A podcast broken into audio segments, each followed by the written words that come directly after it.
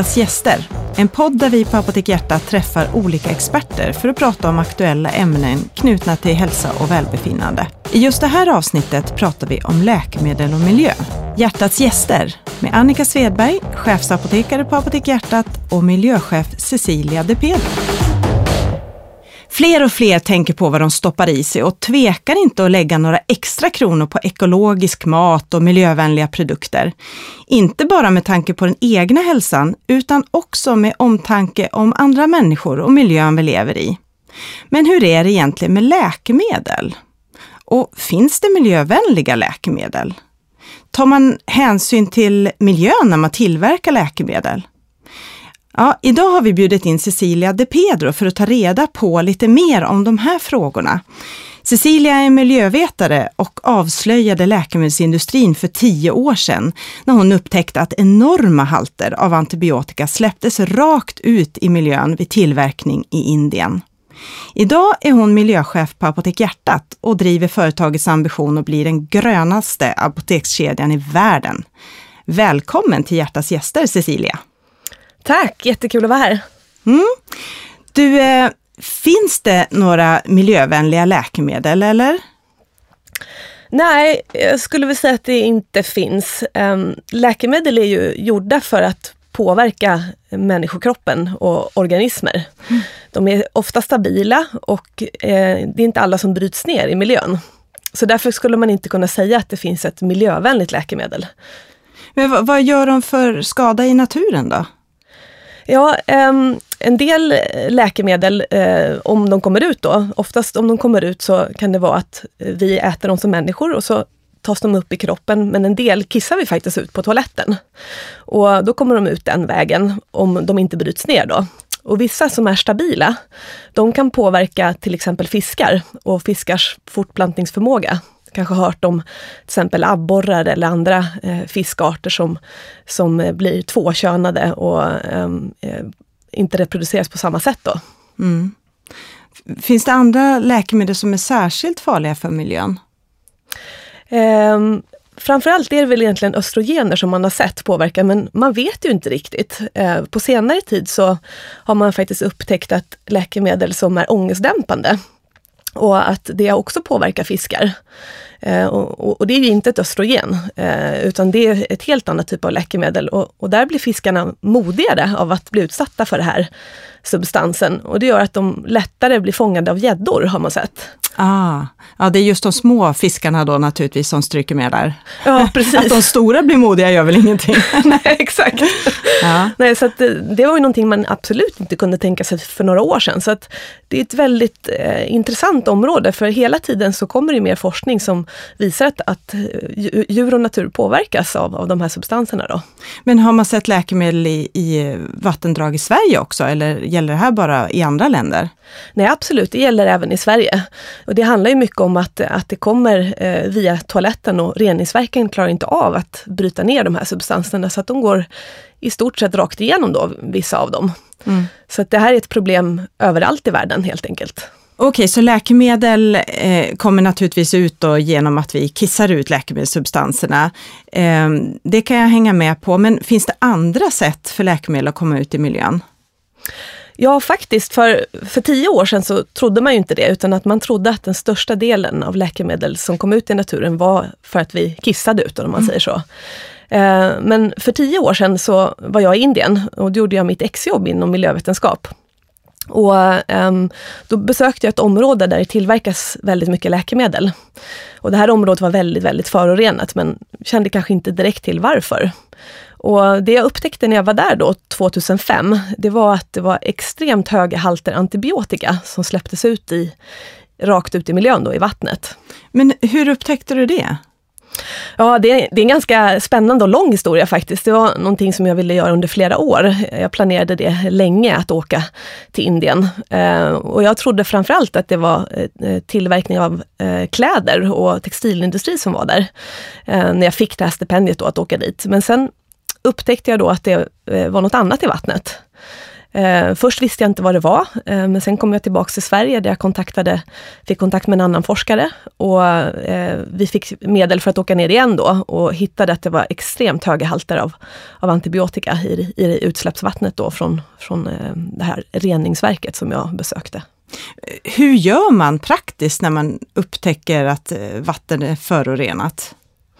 Ja, eh, jag var ju student så det här var ju väldigt spännande. Jag åkte ner med min lilla ryggsäck och så hade jag små vattenloppor med mig. Eh, små ägg som jag kläckte under en lampa. Och, och sen så hällde jag avloppsvatten på de här små äggen och kollade hur många som överlevde helt enkelt. Så det var en, liksom en speciell metod där man använde vattenloppor. Och de dog ju som bara den, de här lopparna. Jag spädde ut det 500 gånger och stod där och slabbade på mitt lilla labb. Eh, och jag förstod ju inte varför då, men sen så åkte jag tillbaks och hämtade mer vatten ett år efter.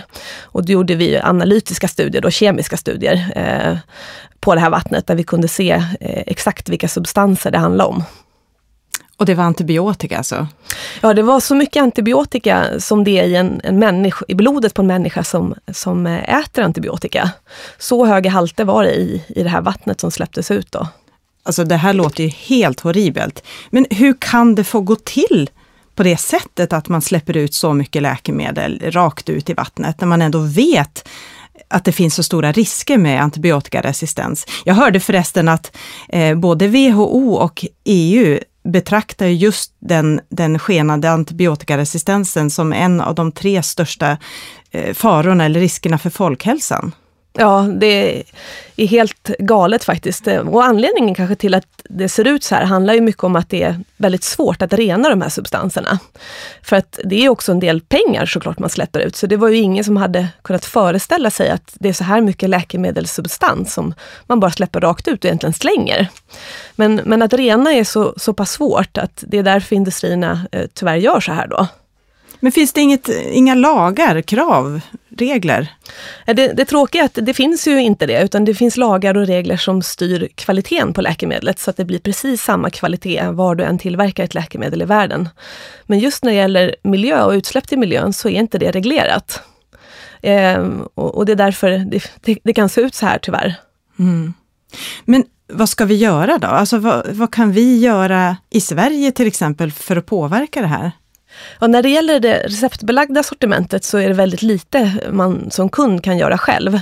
Eh, för att när man kommer till kassan så eh, finns någonting idag som heter generikautbytet och det gör att apoteken måste byta ut till det billigaste alternativet. Och där vägs inte miljöfrågan in, utan det är bara det billigaste. Och det här är ju fantastiskt på många sätt, för det sparar ju mycket pengar i läkemedelskostnader eh, till staten och till vårt land. Men samtidigt så är det ju någon annan som får betala miljönotan. Så det är inte så mycket vi kan göra på det receptbelagda sortimentet tyvärr. Eh, men däremot på det receptfria så, så är det annorlunda. Hur, hur då tänker du? Jo, eh, där är det så att vi som apotekskedja kan välja vilket preparat vi tar in. Och där kan det ibland finnas olika, eh, flera varianter av, av samma substans.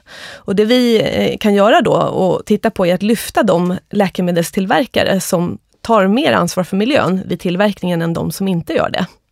Och de som faktiskt jobbar med de här frågorna. Och på det sättet så kan du som kund eh, välja dem, eh, om du känner att du kanske vill lägga några extra kronor, för oftast är det så det ser ut, att de kan vara lite dyrare. Okej. Okay. Men Cecilia, hur, hur, kan, hur kan vi veta på Apotek Hjärtat och vilka läkemedelsleverantörer som faktiskt har ett bra hållbarhetsarbete?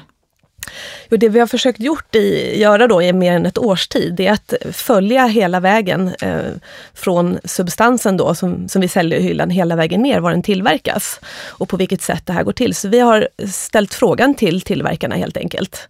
Eh, men det har varit väldigt svårt att få svar eh, och väldigt, sett väldigt olika ut vilka svar vi har fått. Så vi har faktiskt inte kunnat jämföra eh, ett, en substans eh, med en annan li, precis likadan. Då. Och det har gjort att vi, vi nu kommer lyfta fram de leverantörerna som berättar om sitt miljö och hållbarhetsarbete. Eftersom vi inte har kunnat jämföra exakt alla svaren eh, och har fått väldigt olika svar, svar från företagen. Men vad, vad ställer då Apotek Hjärtat för krav på leverantörerna av läkemedel? Vi vill att läkemedelsföretagen redovisar offentligt sitt miljö och hållbarhetsarbete i en hållbarhetsredovisning som är externt granskad. Och det betyder alltså att det är en tredjepart som har, har verifierat att det som står i den här rapporten är sant. Eh, och dessutom vill vi också att de ska engagera sig eh, gemensamt i branschen för att ställa krav på underleverantörerna genom ett, ett nätverk som är väletablerat, som heter PSCI och finns över hela världen. Och att de deltar aktivt där då. Vad gör det här nätverket då? Jo, det man gör är att man gemensamt eh, gör eh, leverantörsaudit som man säger, alltså besöker eh, industrin och tittar hur tillverkningen ser ut. Och så delar man den informationen. Och på ett sådant sätt så kan man då dela leverantörer som är duktiga på miljöarbete. Och då visar man ju som företag sin ambition av att använda leverantörer som, som tar sitt ansvar helt enkelt vid tillverkning. Och, och, hur kommer man som kund kunna se vilka leverantörer som ett visst, eh, en viss förpackning har då i, i hyllan? Hur ska jag kunna veta vad jag ska välja för att göra ett hållbart val?